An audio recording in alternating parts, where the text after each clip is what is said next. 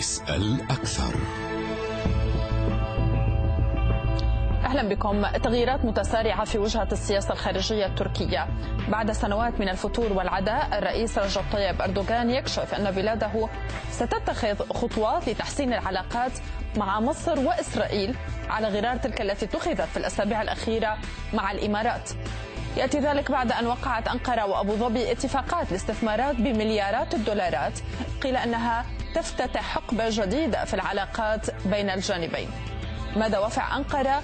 وكيف سينعكس هذا التقارب على شكل التحالفات والملفات العالقة في المنطقة؟ أبحث مع ضيفي بعد متابعة هذا العرض.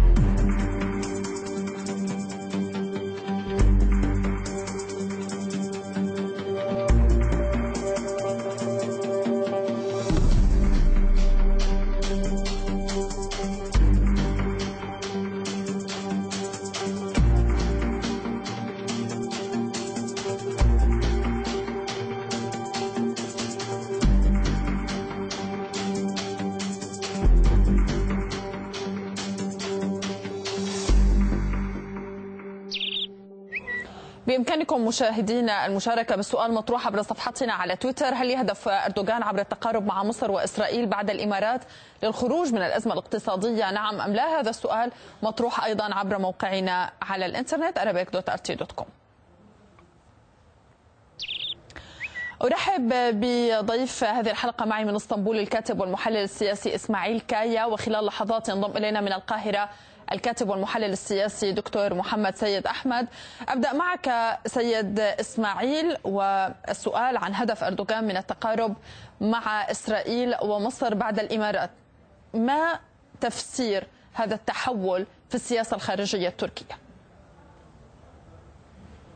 يعني كما تعلمون هذا المسار مسار تطبيع العلاقات وإعادة رسم العلاقات التركية مع العديد من دول المنطقة لم يكن وليد اليوم أو وليد الأسابيع الأخيرة. هو مسار قديم نوعا ما منذ أكثر من عام كان هناك توجه بالسياسة العامة التركية كما كان هناك توجه بسياسة المنطقة بشكل عام بناء على الكثير من التحولات والظروف السياسية والعسكرية والاقتصادية وذات الأبعاد المحلية أو حتى الإقليمية والدولية أثرت في دفعة كافة دول المنطقة لإعادة حساباتها والتفكير في التموضع في خريطة المنطقة للمرحلة المقبلة. من هذا المنطلق تركيا لم تخفي على الإطلاق أنها اتبعت مسار جديد لإعادة تطبيع وتحسين العلاقات مع الكثير من الدول. نحن أمام حقبة جديدة اليوم. هناك الكثير من التغيرات تحديات سياسية وتحديات اقتصادية فرضتها كورونا وإدارة بايدن وبعض التحولات التي جرت في دول المنطقة التطورات الأخيرة التي جرت في ليبيا والانتقال من المسار العسكري للمسار السياسي وما جرى في سوريا ووصول الحرب لعشر سنوات. وهناك توجه لنهاية الحرب والبحث عن مسار سياسي. كثير من التحولات كلها تدفع في نحو توجه جديد. المنطقة يعاد رسمها من جديد خريطة العلاقات يعاد رسمها من جديد وتركيا لاعب إقليمي مهم جدا في خريطة هذه المنطقة. وبالتالي تحسين العلاقات أو إعادة رسم العلاقات. تركيا تولي أهمية كبيرة لهذه الدول. لإعادة رسم العلاقات معها وهذه صحيح سيد إسماعيل أن أهمية تركيا وإلى أي قدر أنها لاعب مهم. أنه كان هنالك مؤشرات لتوجه نحو تطبيع العلاقات مع العديد من الدول التي كانت تركيا خصم معها في السياسة لكن هذه السرعة في الوتيرة وهذا الزخم خلال الأسابيع القليلة الماضية يربطه كثيرون بمحاولة تركيا لإنقاذ الاقتصاد من الانهيار ما رأيك؟ يعني الاقتصاد التركي آه، آه، ليس على وشك الانهيار على الإطلاق ولا تنقذه بعض الاتفاقيات الاستثمارية بمليارات من هنا أو هناك. بكل تأكيد الاستثمارات تعزز, تعزز الثقة, الثقة بشكل كبير بالاقتصاد التركي وبأهميته ولكن جزء من هذه الاستثمارات أيضا تأتي في إطار أن هذه الدول ترغب بأن يكون لها حصة مهمة في التركيبة الاقتصادية في تركيا للمرحلة المقبلة. تركيا لديها مؤشرات نمو كبيرة تتعلق في المؤشرات الصناعية وتحولات تركيبة الاقتصاد العالمي ما بعد كورونا. كما ذكرت هناك معطيات اقتصادية وداخلية وخارجية وإقليمية. الاقتصاد في تركيا محرك أساسي لتوجهات الحكومة التركية. لا يمكن إخفاء ذلك على الإطلاق كما أن التحديات للمرحلة المقبلة ومرحلة ما بعد كورونا أيضا فرضت الكثير على السياسة التركية وسياسات الدول الأخرى أيضا. بمعنى أن هناك صعوبات مرت بها تركيا بسبب مرحلة ما بعد كورونا. الكثير من كل دول العالم مرت بهذه الصعوبات. ولكن الدافع الأساسي لم يكن هناك تسريع من منطلق إنقاذ أو أن طرف يفرض أجندته على طرف آخر. على الإطلاق كان هناك مسار طويل. رأينا على سبيل المثال في موضوع العلاقات التركية الإماراتية. رأينا آه، لقاءات استخبارية على آه، بشكل سري. ومن ثم بعض الخطابات وخطوات بناء الثقة والتصريحات الإيجابية. ومن ثم اتصالات على مستوى وزراء الخارجية. ومن ثم زار مستشار الأمن القومي طحنون بن زايد أنقرة. ومن ثم جرى الاتصال بين أردوغان وبن زايد. كل ذلك مهد لزيارة بن زايد إلى أنقرة. اليوم أردوغان يقول إنه سيزور أبو ظبي. ما أقصده من من من سرد كل هذه اللقاءات أن هذه الأمور جاءت في مسار طبيعي. كانت هناك إرادة جماعية لكن هل هنالك سؤال الأبرز سيد العلاقات وصولا لهذه المرحلة؟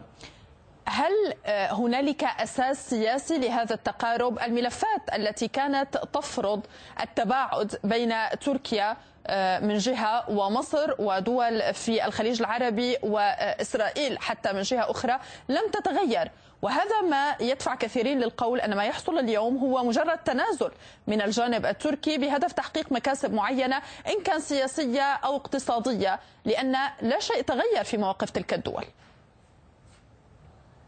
أنا أختلف مع وجهة النظر التي تتحدث عن أن زيارة مثلا زيارة بن زايد إلى أنقرة قد توجت باتفاقيات اقتصادية وأن الزيارة ذو طابع اقتصادي فقط أختلف لماذا؟ لأن الطابع الاقتصادي هو الظاهر وهو ما جرى التوقيع عليه ولكن عمليا لم يكن هناك حاجة لأن يزور بن زايد أنقرة وأن يزور أردوغان أبو ظبي لكي يكون هناك تطوير في ملف الاقتصاد العلاقات الاقتصادية بين تركيا والإمارات لم تتأثر على الإطلاق طوال السنوات العشر الماضية التي شهدت خلافات سياسية حادة جدا. على العكس الاستثمارات الإماراتية زادت في تركيا طوال السنوات الماضية. التبادل التجاري بين البلدين ارتفع بشكل كبير جدا. وبالتالي كان هناك أجندة سياسية مهمة. هناك تغيرات سياسية كبيرة. الإمارات اليوم وتركيا أمامهم تحديات كبيرة. على سبيل المثال إدارة بايدن تحدي مشترك للجانبين. التحولات التي تجري في الملف الإيراني واحتمال التوقيع على اتفاق نعم. جديد أو نشوء نزاع جديد في المنطقة. هذا يفرض أجندة مهمة. تحول المسار في ليبيا من مسار عسكري كان نقطة خلاف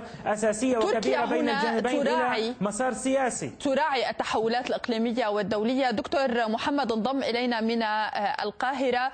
دكتور محمد مرحبا بك معنا في هذا النقاش. إذا ما يجري اليوم هو عودة تركيا لتغليب المصلحة مصلحة الشعب التركي والقضايا العالقة في المنطقة على حساب تراجع في الأزمات مع تلك الدول. وبالتالي هي إعادة مراجعات تفرضها التحولات الإقليمية والدولية.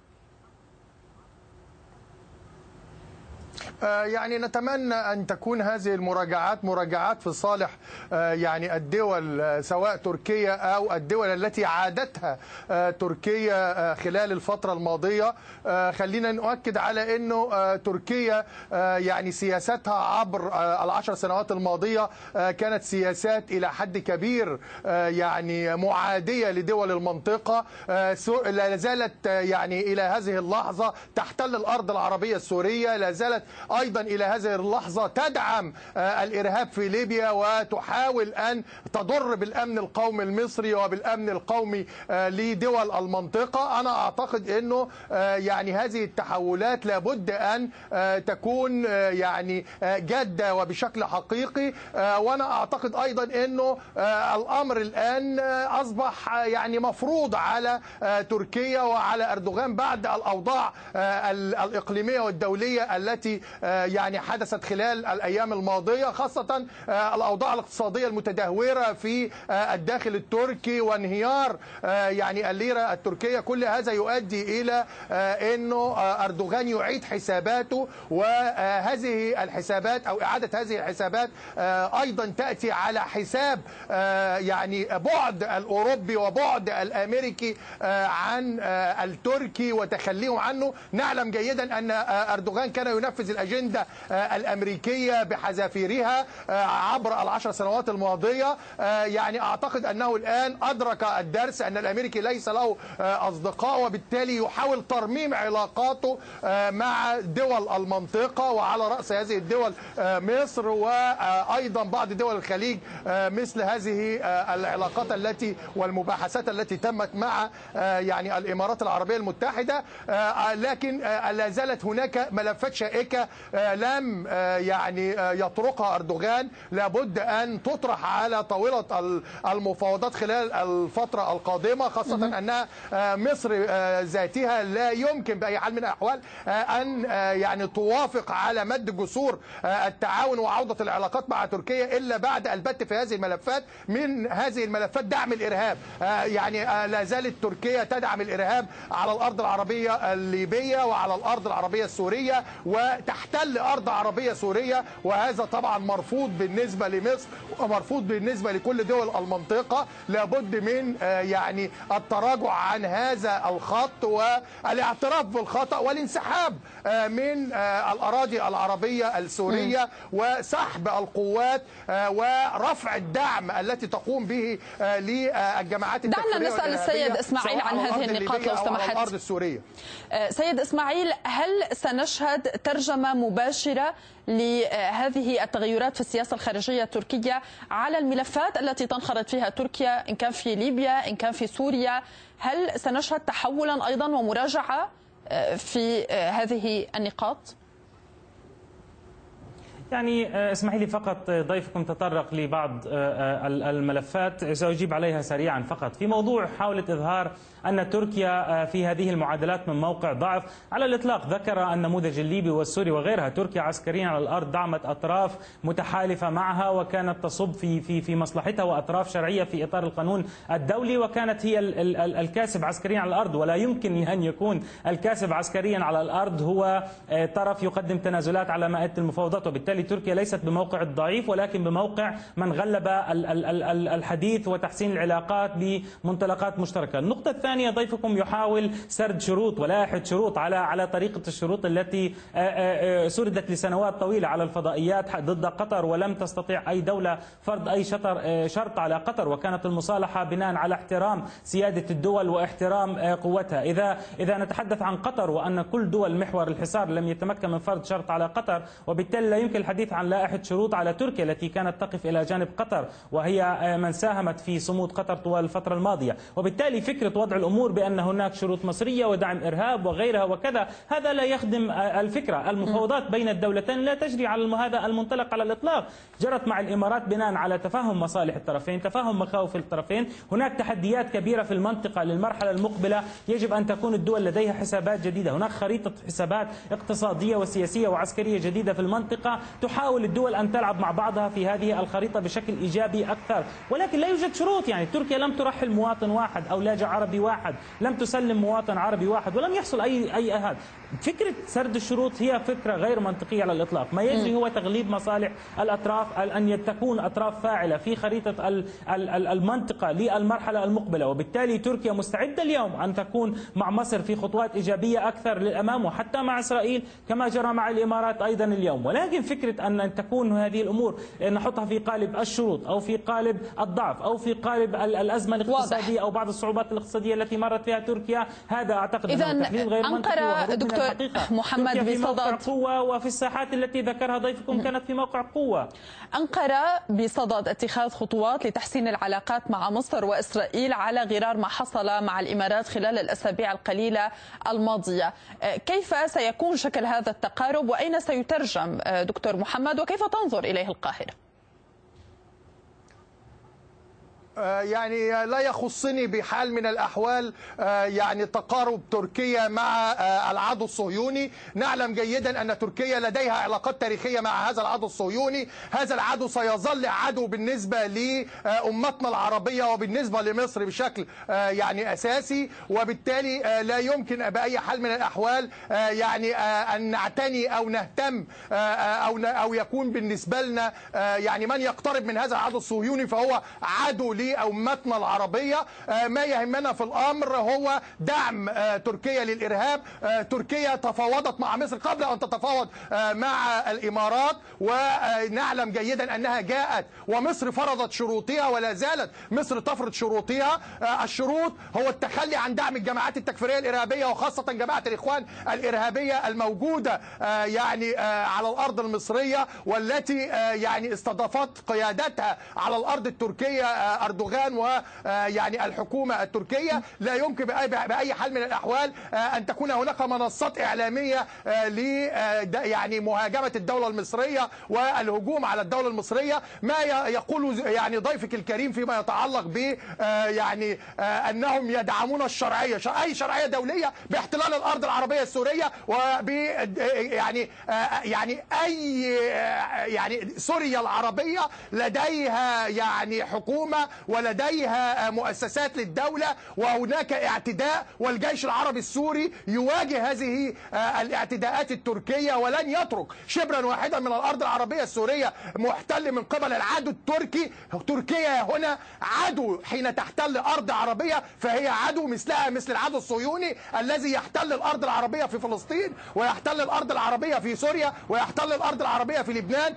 لا يمكن بأي حال من الأحوال أن يكون هناك تقارب على حساب الأمن القومي العربي لا يمكن أن يكون هناك اتفاق ولا تقارب بين مصر وبين تركيا على هذه الأرضية ولا أرضية مصالح. ليس لنا مصالح مع من يدعم الإرهاب ولا من يقوم باحتلال أرض عربية ولا من يهدد الأمن القومي العربي. تركيا بهذا كنا نتعامل معها باعتبارها جارة لها حق تاريخي. نعلم أنها لديها مشروع توسعي دولة الخلافة وحلم الخلافة وعودة دولة الخلافة. هذه أوهام لا يمكن أن تتحقق. نتصدى لها بكل قوة. مصر لا يمكن أن وضحت هذه النقاط. التحول من جديد للسيد إسماعيل كما يقول ضيفك.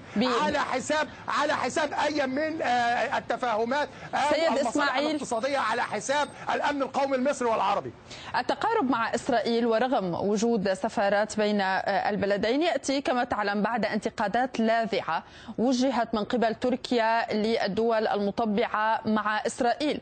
وكانت تركيا تزاود فيما يتعلق برأي البعض بالقضية الفلسطينية وتحمل راية الدفاع عن هذه القضية متقدمة بذلك على العديد من دول المنطقة بما فيها الدول العربية. هل نفهم من هذا التوجه اليوم أن الموقف التركي من القضية الفلسطينية يتعلق بالمصلحة السياسية البحتة فقط وإلا ما الذي تغير؟ ما سبب هذا التوجه لتحسين العلاقات مع إسرائيل في هذه المرحلة؟ يعني كما تعلمون تركيا بحكم المنطق وليس بحكم الشعارات. ضيفكم دخل في إطار الشعارات وتحدث عن القومية العربية وعن معاداة إسرائيل والعدو. يعني رئيس الوزراء الإسرائيلي كان في مصر قبل فترة قصيرة والإمارات طبعت والدول العربية حلفاء مصر تطبع. وكل هذه التركيبة لكن تركيا كانت ترفض تركيا كانت ترفض هذا التوجه سيد إسماعيل.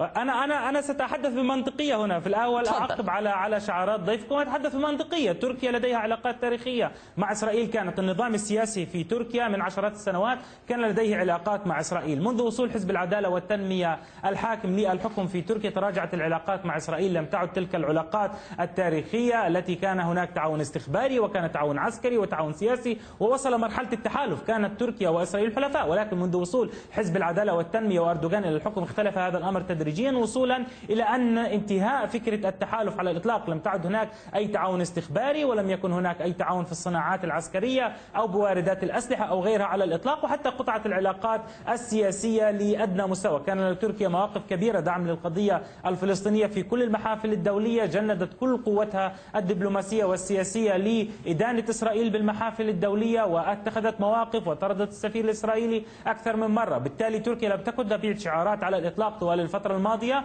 وكانت تربط علاقاتها مع إسرائيل. تركيا بالنهاية دولة تعترف بإسرائيل وليس لها علاقة بمبدأ وجود إسرائيل. لا تعارض ذاك المبدأ ولكن تعارض سياسات إسرائيل الإجرامية ضد الشعب الفلسطيني. وعلى الدوام أدانت إسرائيل. لو نذكر أحداث يوم الأرض عندما قتلت إسرائيل عشرات الفلسطينيين في غزة كيف تركيا طردت السفير الإسرائيلي وأهانته من من من أنقرة. وبالتالي تركيا لديها مواقف ثابتة تجاه القضية الفلسطينية ولكن تتعامل مع إسرائيل. اليوم هناك تغيير سياسي في إسرائيل. انتهى انتهت حقبة نتنياهو وعقب مغادرة نتنياهو للحكم بدأ مسار جديد لإمكانية تحسين العلاقات. اليوم هناك لعبة سياسية كبيرة تجري في شرق البحر المتوسط. تركيا لديها مصالح في شرق البحر المتوسط وتحاول أن تكون على صلة مع كافة الأطراف. العلاقات المصالح مشتركة. هناك مصلحة لمصر وإسرائيل بأن يكون هناك دور لتركيا في رسم خريطة شرق البحر المتوسط. التحالفات الوهمية التي سيقت طوال الفترة الماضية بين مصر واليونان وإسرائيل لا تنفع بشيء على الإطلاق. لا يمكن تمرير خطوط تصدير الغاز لأوروبا وبالتالي كل الاكتشافات التي جرت سواء من اليونان بشكل غير قانوني أو من من مياهها الإقليمية أو حتى من مصر وإسرائيل جميعها تحتاج إلى مرور خط تصدير النفط إلى أوروبا من الأراضي التركية. وبالتالي هناك مصالح مشتركة. تركيا لديها مصلحة بالتوقيع على اتفاقية لترسيم الحدود البحرية مع مصر ولديها اتفاقية أيضا يعني لديها مصلحة بإمكانية ترسيم اتفاق مشابه مع مع إسرائيل. وبالتالي هناك مصالح مشتركة اليوم في الشرق المتوسط. يمكن العمل على نقاط الاتفاق وتحييد نقاط الخلاف كما يجري بالكثير من الأطراف. هذه المصالح المشتركة إلى أي درجة؟ تعني الجانب المصري إن تحدثنا بشكل سياسي بحت دكتور محمد. هذا التقارب وإنهاء سياسة المحاور والاستقطاب في المنطقة إلى أي مدى ستنعكس على الاستقرار ووضع حد للعديد من الأزمات التي ينخرط بها الجانبان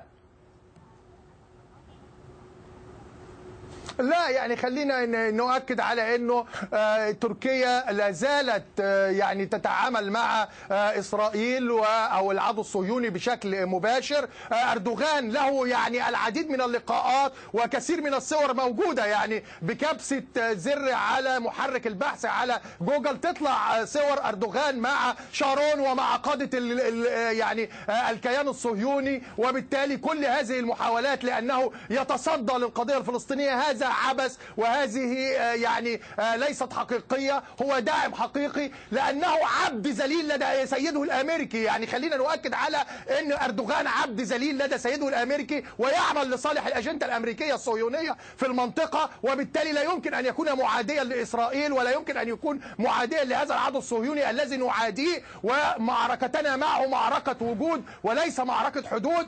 يعني إذا كانت بعض الدول العربية طبعت مع هذا العدو الشعوب العربية لا يمكن أن تطبع وكثير من الدول العربية وعلى رأسها سوريا العربية التي تتصدى وتتصدر محور المقاومة في مواجهة هذا العدو وضحت هذه الفكرة وهذا الموقف دكتور محمد لكن أنا سألتك في السياسة لو سمحت لي فيما يتعلق بانعكاس التقارب مع تركيا ومصر من جهة وتركيا والإمارات من جهة أخرى على الملفات العاقلة العالقة في المنطقة كيف يمكن أن يستثمر هذا التقارب. يعني سوري يعني خلينا خلينا خلي خلينا نؤكد أن أي تقارب لا يحسب المسألة لأن تركيا ليست صاحبة يعني كلمة يعني تركيا ألعوبة في يد الأمريكي، الأمريكي هو الذي يرسم يعني حدود تحركات تركيا والملفات العالقة في المنطقة لن يتحلها إلا القوى العظمى مثل روسيا والصين من جهة والولايات المتحدة الأمريكية من جهة أخرى الأزمة في يعني اليمن، الأزمة في ليبيا، الأزمة في سوريا، الأزمة في لبنان لبنان الأزمة في العراق هذه الأزمات الكبرى اللي في المنطقة التركي أداة فقط لا يستطيع أن يحسمها. دعنا نسمع رد السيد إسماعيل على هذه النقطة. سيد إسماعيل. باقي دول المنطقة لا يمكن أن يحسم هذه الملفات. سيد إسماعيل دعني هو الذي يحرك التركي وبالتالي التركي لا يمكن أن يكون السؤال ربما في هذه الملفات. بطريقة مختلفة. كانت تركيا خلال الآونة الأخيرة تلعب كما يقول البعض على سياسة جمع التناقضات. يعني تريد أن تأخذ من كل طرف ما يمكن أن يحقق مصلحتها إن كان روسيا الصين الاتحاد الأوروبي الولايات المتحدة الأمريكية. وهنالك من يرى أن هذه السياسة لم تنجح في بعض المواقع.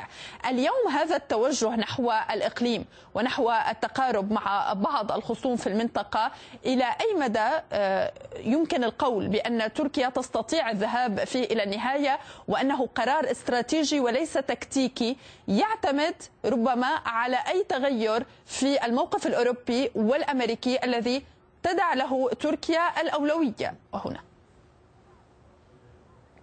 جميل. في البداية مهم التنويه آه، أن آه، ضيفكم من القاهرة تسيطر عليها عقلية السيطرة يعني والأدوات للولايات المتحدة التي ما زال يؤمن أنها قادرة على تحريك كل الدول. يا صديقي الأمور ليس كذلك. هناك دول لديها سيادة ولديها آه، قوة تستمد قوتها من الشعب ومن ديمقراطيتها ومن موقعها الجغرافي والديموغرافي وكل كل هذه العوامل. هناك دول مستقلة لديها سيادة تتحرك بناء على مصالح أمنها القومي مصالح شعوبها وليس ليست أدوات بحق الأمر. إذا كنت تعاني من هذه المشكلة لا تعكسها على تركيا. تركيا لا تتحرك بهذا المنطلق على الاطلاق تركيا دولة كبيرة ذات سيادة. كل الدول لديها مصلحة بإقامة علاقات قوية معها ولا يمكن لأي دولة إقليمية. لا تقاطعني. لا دكتور محمد ساعطيك المجال لا داعي لا داعي للمقاطعه ابدا لا لا لا لا, لا لن لم أقاطعك رغم كم المغالطات الكبيرة تحدثت فيه عموما أنتقل للسؤال سياسة تركيا نحو الإقليم هي سياسة استراتيجية لم تكن مرحلية وليست للمناورة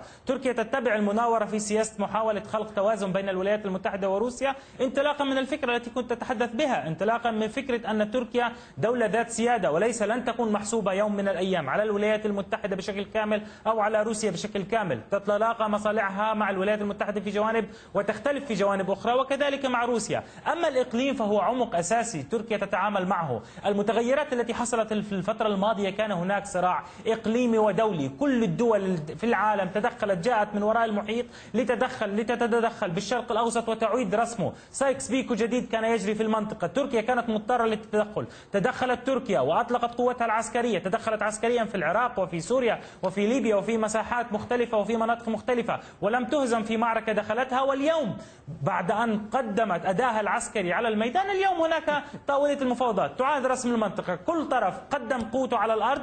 كل الأطراف اليوم تجلس تستعيد تتحاور وتتحاور بناء على بناء بناء على النتائج التي وصلت الفترة الماضية وبناء على منطلق أساسي. أنا لا طرف يمكن أن يلغي الطرف الآخر وأن أه، بعجالة سيد إسماعيل هل يمكن أن يكون من آه هذا التوجه التركي أيضا مؤشرا لما يمكن أن ينجم عن مفاوضات فيينا أم مسار منفصل كليا بعجالة؟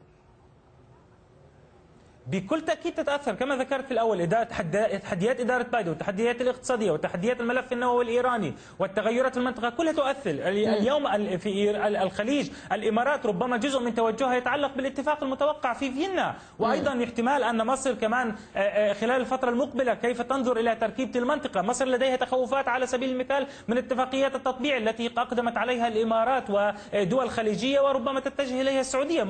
مصر هذه الاتفاقيات التطبيع التي جرت بين حليفتها الإمارات وبين إسرائيل لم تأخذ مصالح مصر الاستراتيجية على الإطلاق بعين الاعتبار. الأردن اليوم يواجه تحدي الاتفاقيات التطبيع وكيف تفرض عليه بعض الملفات من قبل دول أخرى. وبالتالي كل التركيبة اليوم هذه تحتاج إلى توازنات في الإقليم. عندما يتحدث ضيف ضيفكم بشعارات شعبية لا تضغى شيء. لكن لا ننسى لا ننسى اليوم أيضا في شق من من تصريحات أردوغان سيد إسماعيل تتعلق بأسباب انهيار الليلة الترك الليرة التركية وفتح تحقيق بهذا الشأن وقال أنه لا يوجد هنالك أسباب تبرر هذا الانهيار أسباب عملية وكأنه يرجح نظرية المؤامرة ما رأيك دكتور محمد؟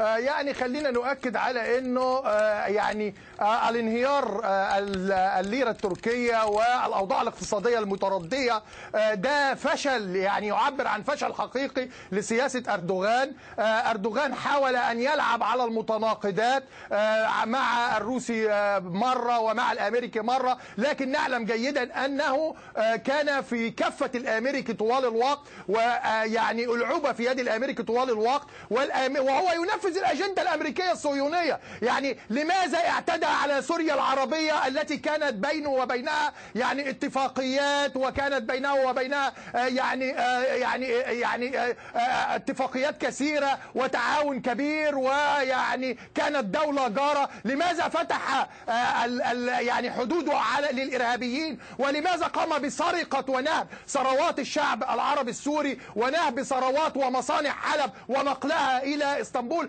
أنا اعتقد انه ما يتم الان هو انه يشرب من نفس الكأس وبالتالي أنا بشوفه انها يعني ما يقوم به الان هو محاولة لترميم العلاقات والاتجاه إلى دول الاقليم كي يرمم علاقاته مع بعد ان فشلت كل مشاريع الامريكية والصهيونية التي كانت تطمع وكانت يعني تمني أردوغان بأنه سيكون الخليفة القادم وسيتمكنه من أن يعني يكون خليفة المسلمين ويحتل هذه الدول عبر دعمه للإرهاب. للأسف الشديد المشروع انهار يعني مأزق كبير وضع نفسه فيه أردوغان ولا زال يحاول الآن أن يخرج من هذا المأزق. لكن الأزمة موجودة والداخل التركي مشتعل والوضع بالداخل يعني نطلع على نتائج التصويت مع ختام هذا النقاش.